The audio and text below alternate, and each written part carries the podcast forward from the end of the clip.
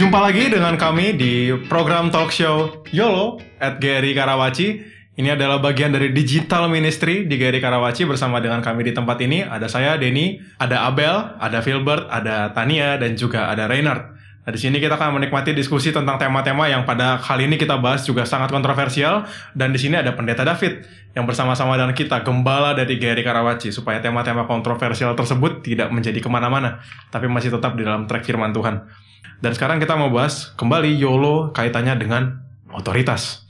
Nah, tapi dengan otoritas kali ini, kita tidak akan lagi bahas tentang otoritas-otoritas yang mungkin ada di atas sana, tapi kita akan bahas tentang otoritas spesifik terhadap hal-hal moral. Nah, gimana nih waktu kita bilang hal-hal moral? Kenapa itu boleh? Kenapa itu nggak boleh? Kalian pernah ketemu isu-isu moral kayak gitu nggak? Di mana kalian rasa ini kayaknya nggak boleh, tapi kenapa nggak boleh? Kenapa boleh? Kok kayaknya agak sulit untuk menjelaskannya ya? Uh, waktu itu aku pernah ngobrol sama satu uh, orang yang udah kuliah dan dia kuliah di kampus Kristen. Hmm. Nah dia tuh ngambil uh, edukasi kan. Hmm. Terus dia cerita ke aku kalau misalnya dia tuh walaupun belajar di kampus Kristen, dia tuh diharusin buat ngajarin anak kecil tentang uh, gender spectrum. Jadi gender itu nggak cuma wanita atau pria. Nah, binary. Iya. Hmm. Padahal dia tuh kayak sekolahnya di kampus Kristen gitu, karena alasannya diharusin pemerintah. Nah itu gimana tuh? Iya ada gender binary ya, bukan cuma dua, bukan Adam dan Hawa doang, tapi ada Adim, Hiwi yang kayak gitu-gitu juga. ini jadi sulit, ini jadi sulit. Ya, ini ya itu itu tema yang populer juga dan sangat sangat ini. Hmm. Ada yang lain? Teman-temanku lagi gumulin sekarang hmm. itu sebenarnya ini ringan banget sih, tapi masalah gosip juga sebenarnya kenapa sih gosip nggak boleh kadang teman-temanku bingung juga maksudnya gosip itu kalau misalnya kita lagi membahas sesuatu yang beneran terjadi emang fakta kenapa nggak boleh gitu hmm. kadang ya mungkin itu pertanyaan remaja-remaja seru kan bahas gitu. artis ini cerai sama artis iya. itu yang kayak gitu gitu kan apalagi kan maksudnya seru gitu lagi kumpul-kumpul Kalau aku sih lebih ke arah yang masalah di anak muda terutama di Indonesia itu masalah free sex. Free sex. Ya. Yeah. Ya di pelayanan remaja itu hmm. biasanya mereka bicara soal feminisme ya, bagaimana hmm. nanti perempuan itu peran di dalam keluarga mereka lah atau apa. Dan saya rasa dari tadi yang disebutkan ini, baik itu same sex marriage lah, masalah gosip lah, masalah ini juga itu banyak terpengaruhi mungkin kita dari film ya. Kita menonton hmm. film-film hmm. luar, film-film dari barat itu ada worldview yang mereka bawa. Budaya Hollywood yang kadang-kadang kurang holy itu kita bawa ke dalam hidup kita juga ya. Nah ini banyak ya isu-isu lain juga tadi disebut LGBT. Nah kalian gimana waktu menghadapi itu dalam hidup sehari-hari ya? Ketemu itu kalian ngapain ya biasanya? LGBT. Pernah lihat nggak LGBT di Indonesia? Pernah, aku banyak. di sekolah. Oh. Tapi maksudnya kalau aku kan Maksudnya di Indonesia jujur sampai sekarang di lingkunganku jarang. Jadi pertama kali aku lihat tuh aku langsung uh, gimana gitu. Okay. Cuman pernah sih. Wah itu kalau di luar negeri kamu bisa dibilang homophobe homofobia, hmm. homofobia. langsung iya. dicap. Wah orangnya iya, judgmental gimana tuh? Ada yang lain lagi? Kalau iya, di, di luar negeri juga ya kayak aku pikir kan kalau misalnya di Amerika kan kayak ada uh, freedom of speech gitu kan. Hmm. Tapi kalau misalnya kita mau menolak LGBT juga hmm. bakal di apa ya di judge sama orang gitu loh. Karena kamu gak menghargai freedom of speech. Jadi kayak kontradiksi gitu gak -hmm. sih jadinya? Miris banget kalau dunia kita sekarang itu kayak gitu. Dan aku temanku juga masa setuju kalau hal itu nggak benar dan seharusnya nggak ada gitu di lingkungan kita. Tapi kalau kamu kita kita ya kita nggak setuju. Lalu kita ketemu sekelompok orang yang semuanya setuju. Gimana tuh? Kita ber bisa berargumen nggak sama mereka ya? Kenapa kita nggak setuju apa yang mereka kerjain gitu? Kenapa kita nggak setuju LGBT kenapa kita nggak setuju uh, seks bebas misalnya? Kalau misalnya kita minoritas mungkin kayak lebih susah ya. Tapi kalau misalnya di Indonesia kan masih jarang kan. Jadi hmm. kayak kita masih bisa lebih gampang buat membela yang benar gitu loh. Sebetulnya nggak jarang ya yeah. kalau kita ke cari um, restoran fast food tengah malam itu itu banyak hmm. pria-pria yang kumpul itu biasanya juga mereka komunitas itu ya mereka kadang menandai diri mereka tindik di satu telinga aja hmm. atau kalau misalkan cowok-cowok biasa anak remaja sekarang suka pergi ke tempat fitness itu juga kita bisa bahkan lihat dengan langsung mereka gandengan tangan hmm kan lain sebagai sauna bareng tempet-tempetan. Wow. itu itu banyak sebetulnya kasus-kasus hmm. gitu. Dan bahkan isu soal seks bebas itu di beberapa daerah yang saya nggak boleh sebut namanya karena ya nggak baik untuk daerah itu itu betul-betul seks bebas itu bener-bener pegang porsi mayoritas sampai bisa ada daerah yang seks bebas itu 89% itu buat remaja. Jadi cuma 11% yang nggak kerjain seks bebas. Itu minoritas loh mereka di situ di Indonesia. Aku rasa itu gara-gara apa ya? Indonesia masih ngelihat seks itu kayak sebagai hal yang tabu loh, nggak usah dibahas gitu. Hmm. Tapi ada bagusnya juga. Satu sisi kalau menurutku ada bagusnya juga, maksudnya kita nggak bisa freedom of speech kayak di publik gitu. Soalnya nggak bisa apa? Nggak bisa kayak melakukan melakukan itu di publik gitulah. Hmm. Hmm. Nah, sekarang kita coba lihat ya maksudnya dari perspektif Pak David gimana ini Pak kita bertemu dengan isu-isu yang sangat sensitif dan sangat sulit untuk diadres tapi sepertinya kita memang betul-betul harus berani address itu juga gitu. Ya ini menunjukkan satu fakta ya kita sudah hidup dalam satu zaman yang sudah mulai bergeser. Kok hmm. dulu sana kan ada otoritas, ada yang menstandarkan apa yang boleh, tidak boleh. Hmm. Bahkan kalau mungkin bahkan satu tahun, dua tahun yang lalu agama itu sangat menentukan sekali sekarang dalam hidup zaman modern ini apa yang menentukan apa yang boleh dan tidak boleh? Pada akhirnya kita sudah bicarakan zaman konsep YOLO itu salah satu yang penting adalah individualisme. Saya yang menentukan. Kalau saya suka, saya akan lakukan. Maka saya pernah katakan ya, itu dalam waktu saya masih remaja, waktu saya masih remaja, itu pergumulan kami pada saat itu tuh berbeda dengan pergumulan kalian pada saat ini. Pada saat saya masih remaja, itu kita memperdebatkan misalnya apa yang benar dan benar. Ada objective truth, ada suatu kebenaran yang objektif yang kita ingin dapatkan dan kita akan bicarakan jadi suatu landasan dari epistemologi dan sebagainya. Di dalam zaman remaja pada saat ini yang sering kali didebatkan adalah masalah sebenarnya gue suka atau tidak suka. Hmm. Kamu ngomong soal objective truth dan sebagainya, so what? Kalau saya tidak suka, lalu mau apa kamu? Termasuk ini alasan mengapa banyak sekali akhirnya gereja itu kehilangan remaja-remajanya. Mengapa? Karena mereka merasakan kalau saya tidak suka dengan ibadah di gereja dengan model kayak begini, kenapa saya harus datang? Jadi kita menjadi penentu. Nah di sini pada akhirnya kerancuan daripada kita bicarakan, ada yang mengatakan boleh, ada yang mengatakan tidak boleh, menjadi suatu hal di mana relativisme, terusnya moral relativisme tersebut itu sekarang sudah menjalar ke mana-mana. Siapa yang jadi penentu? Maka kita semua yang menghadapi hidup yang sementara ini, kita adalah pengembara. Dunia ini bukanlah dunia yang sudah akhir. Kita masih cuma melewati saja. Kita harus ada pijakan. Kita apa? Maka di sana tidak uh, boleh kita mengatakan bahwa kita melawan otoritas. Pada akhirnya pasti orang harus mencari otoritas. Ya, ini sudah kita bicarakan. Orang pasti mencari otoritas. Yang mengatakan boleh atau tidak boleh. Nah, ini kita harus bicarakan ya. Sekarang ambil contoh yang sederhana saja, misalnya masalah mengenai uh, same sex marriage, hmm. ya itu jadi suatu isu yang sangat gencar sekali di dunia barat pada saat ini. Tahun 2016 Amerika melalui Supreme Court memutuskan akhirnya memperbolehkan Supreme Court ini ada 9 orang. 5 setuju, 4 tidak setuju, jadi cuma beda satu suara saja.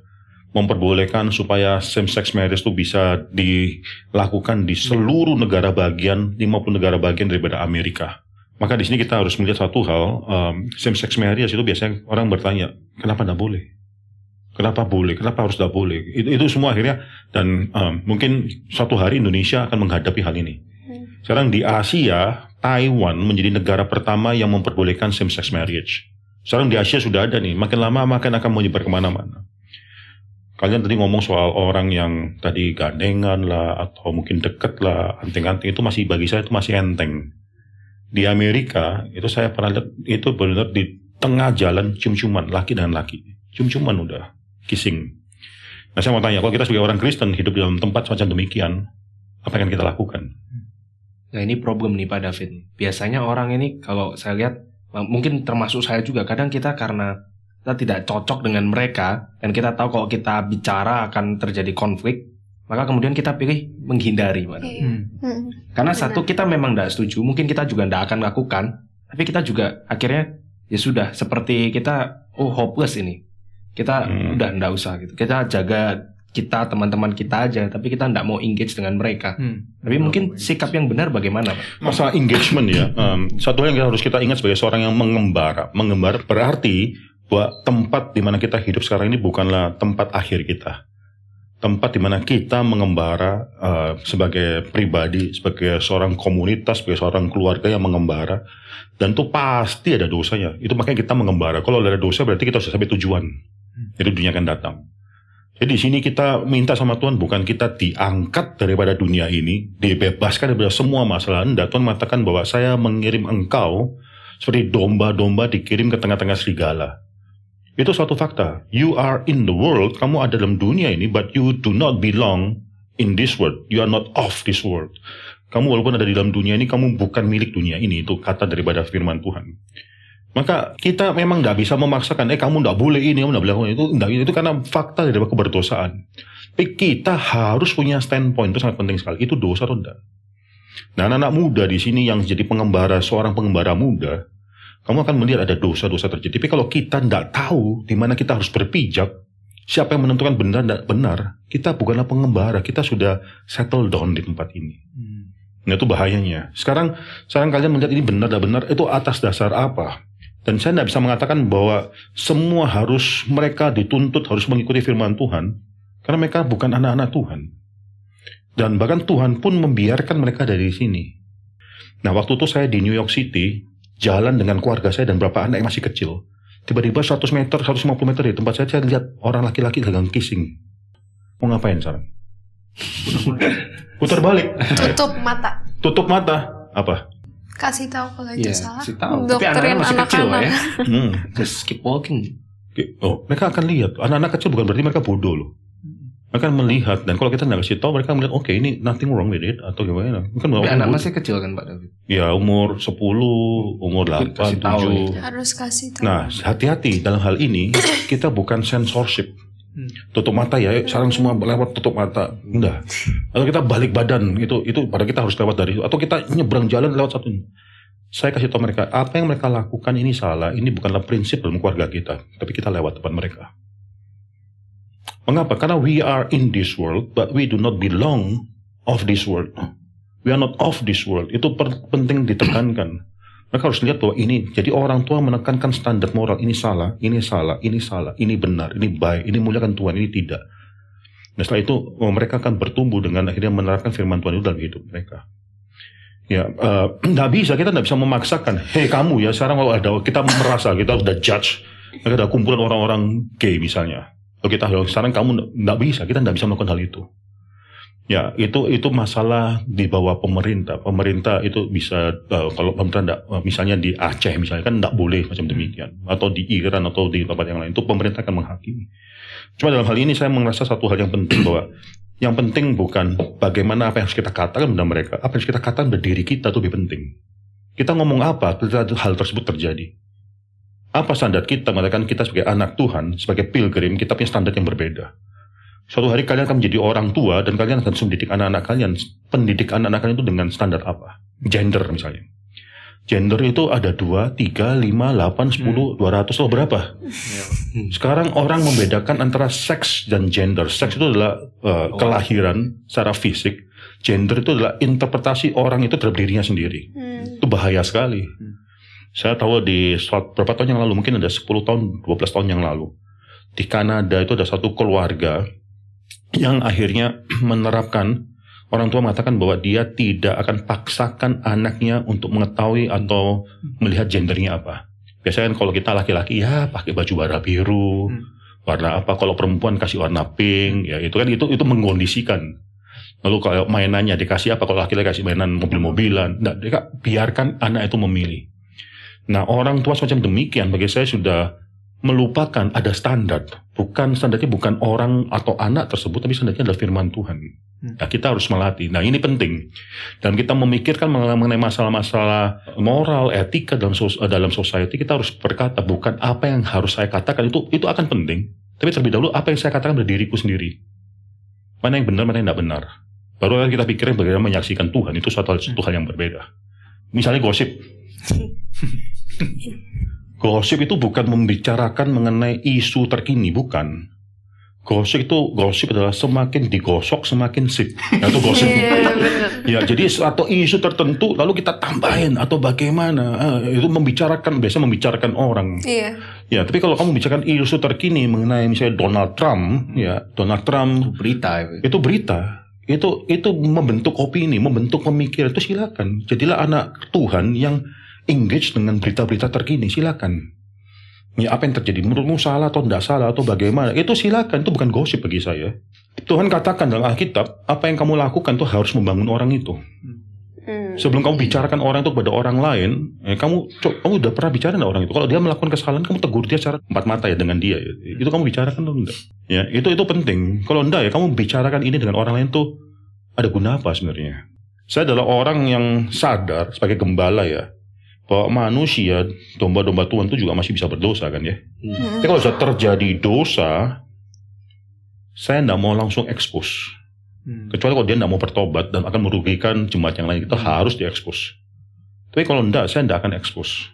Bahkan sama istri saya waktu konseling dengan orang yang lain, saya tidak selalu harus bicara dengan istri saya. Mengapa? Karena beberapa gumulan itu mungkin harus didoakan lebih dahulu secara khusus. Nah, ini, ini penting. Apa saja itu Pak? Kira-kira prinsip Alkitab mengenai itu Pak? Misalkan tegur tadi uh, empat mata. Empat mata. Apalagi Pak kira Ya supaya kami bisa bagaimana memposisikan diri kami sekarang. Karena Alkitab tuh banyak bicara. Hmm. Bukan berarti bahwa Alkitab itu semua kata-kata problema hidup kita semua seterus dalam Alkitab. Enggak kalau itu jadi hmm. manual textbook yang panjang sekali. Ya, tapi, banyak, tapi banyak anak remaja yang emang biasanya males gitu mereka udah kayak gitu ya udahlah. Kira-kira gitu. itu salah nah, kita. Kalau itu adalah teman kamu, kamu dalam porsi untuk sudah uh, ada trust yang terjalin, silakan. Silakan berbicara, silakan tegur dua mata, empat mata sekali lagi, empat mata terlebih dahulu. Ya itu tuh penting. Kamu harus bisa berbicara dengan dia. Cuma itu memerlukan suatu trust yang mungkin tidak gampang bisa didapatkan kalau kita memang tidak pernah menjalinkan hidup kita dengan dia. Jadi kita perlu bangun relasi, ada trust, baru kita kemudian bisa ingkit sama orang itu. Sangat, itu sangat. Jadi ini ketika kita mau berkata kepada mereka, hmm. jangan jadi seorang menurut saya jadi seorang hakim yang tidak mengerti pergumulan dia. Hmm. Bahkan Tuhan pun berkata-kata juga kepada perempuan Samaria. Tapi sebelum akhirnya men, menupas dosanya dia, ada jalinan terlebih dahulu sebelumnya. Air. Ya sengaja. Itu kan pembukaan. Hmm. Ya, itu satu hal yang indah. Kita bisa pelajari bagaimana Yesus menghadapi orang berdosa. Hmm. Itu gak seperti kayak orang Farisi. Yeah. Saya tidak seperti, seperti dia. dia. Saya bersyukur karena saya tidak melakukan seperti apa yang orang pemungut cukai ini. Jangan kayak begitu. Pilgrim adalah seorang yang melalui dunia ini dan melihat fakta keberdosaan tersebut. Tapi kita sedang melalui. Dan Tuhan membiarkan kita melalui. Kalau Tuhan memberikan suatu keindahan dalam hidup daripada kita semua. Tuhan bisa care. Itu suatu hal yang indah. Bawa dia ke gereja. Orang semacam demikian perlu dengar Injil. Injil kan uh, berikan firman Tuhan kepada dia. Tapi care dulu terhadap jiwa dia itu penting. Di satu sisi juga kita punya standpoint mesti jelas, Pak ya. Iya, tentu. Pertama, ya, pertama kayak talk to yourself first. Apa standpoint kamu mengenai masalah ini? Gender. Hmm. Masalah apa lagi kita tulis sekarang? Gossip, gender, free sex. Boleh nggak free sex? Enggak, enggak boleh, Pak. Enggak boleh. Oh ya pasti. Kita sedikit sih. Apa sih? Nah, itu talk to yourself dulu. Tapi enggak boleh prinsipnya apa? Ya. Karena relasi seksual itu kan relasi yang diciptakan Tuhan dalam ikatan pernikahan. Seks itu uh, indah atau tidak indah? Indah. Indah. Dalam pernikahan. Nah, suatu hari saya harapkan kalian bisa menikmati keindahan seksual yang Tuhan memang izinkan bagi kalian. Itu satu hal yang indah. Kalian harus, ini tidak harus sih, bukan harus, tapi memikirkan bahwa itu bukan anti terhadap seks, itu bukan dalam zaman di mana dulu sebelum reformasi itu ada orang yang anti sekali terhadap seks itu dianggap rendah sekali. Enggak, seks itu tinggi, indah. Hmm. Bahkan seks itu Tuhan izinkan sebelum dosa itu terjadi. Hmm. Tapi yang jadi masalah adalah kata bukan seksnya, tapi free-nya. Hmm. Ketika kita mengatakan kita free sex, sebenarnya kita sudah menjadi bondage of sex. Itu hmm. sinful sex. Kita melacurkan diri kita. Itu itu menjadi tidak ada yang free ketika orang itu sudah berdosa tidak ada. Kecuali firman Tuhan yang membebaskan orang tersebut sehingga mereka bisa benar-benar bebas dan menikmati Tuhan. Ya, itu itu satu hal yang harus kita perhatikan. Cuma free sex boleh atau tidak boleh bukan karena culture ya. Karena hmm. kita adalah orang timur, maka kita tidak boleh melakukan hal itu. Karena apa yang firman Tuhan katakan. Itu menjadi suatu hal yang menjadi fondasi kita. Maka ini penting sekali dalam konsep YOLO karena YOLO itu sering kali orang-orang YOLO orang dunia itu mengatakan I am the standard. Saya menentukan. Kalau saya suka, saya melakukan. So what? Kalau kamu tidak setuju dengan saya. Nah, teman-teman kita mungkin banyak yang bergumul dengan hal ini. Tangkap. Kasihlah dia. Doakanlah dia. Tangkap. Sebelum kalian berbicara pada dia, berbicara pada dirimu, berbicara pada Tuhan. Berbicara pada dia. Kalau kita punya teman dia salah, terus kita mau tegur tapi galakan dia gimana? Nggak apa-apa, tegur dengan kasih. Kamu ditegur balik, dimarahin dia tuh masalah kecil Ya, kamu paling apa? Paling kamu merasa ya ditegur, saya dimarahin, tapi tidak apa-apa. Tapi kalau kita dengan kasih, kita bukan dengan mau menghakimi dia, mau menjatuhkan dia, tapi mengingatkan dia. Ya ini tidak baik. Dari mana standarnya? Kamu bisa kasih tahu firman Tuhan berbicara demikian demikian. Dia belum tentu akan terima, tapi paling tidak kamu sudah dengan kasih bicara dengan dia. Ya karena dia pasti ada keberatannya gitu ya Pak. Karena waktu kita mau tegur dia Kita pasti jadi dalam tanda kutip Seperti suara yang lebih otoritas daripada dia gitu kan Pak. Maksudnya kita mau menerapkan dia di bawah otoritas lain yang Mungkin dia nggak suka gitu. Jadi pasti dia bakal uh, Belum tentu harus langsung dikami tegur ya Bukan dengan gitu ya. Oh, Tapi kalau temen ya Kamu ajak aja bicara dengan dia Pergumulan ini Itu kamu kenal dengan dia. Tapi saya khawatirnya gini loh Saya khawatir anak-anak Tuhan itu nggak pernah mau involve dengan orang-orang yang nggak percaya pada Tuhan. Hmm Hmm. Kalau kita lihat handphone kita, wah semua teman gereja terus, semua cuma orang-orang dalam gereja, itu juga salah. Wajah kita cuma berhubungan dengan orang dalam gereja itu gak salah. Tuhan taruh kita dalam dunia dan katakan kamu seperti domba yang dikirim ke tengah-tengah serigala. Itu emang maksudnya Tuhan. Supaya apa? Mungkin domba itu kan tidak ada gigi, nggak ada hmm. taring, nggak ada apa. Itu kan sangat vulnerable sekali kan. Ya ada, ada vulnerability tersebut. Di mana kamu harus berbicara dengan mereka. Tapi sampai tahap mana Pak? Sampai tahap mana kita maksudnya berhenti maksudnya ya kita berhenti untuk engage hmm. dia gitu. Kan misalnya kita udah ngomong-ngomong tapi batu banget nih otaknya. Terus nggak mau berubah nggak mau berubah. Oh, itu kalau kita stop nggak mau berhenti nggak mau engage dia lagi apakah itu kita salah atau gimana?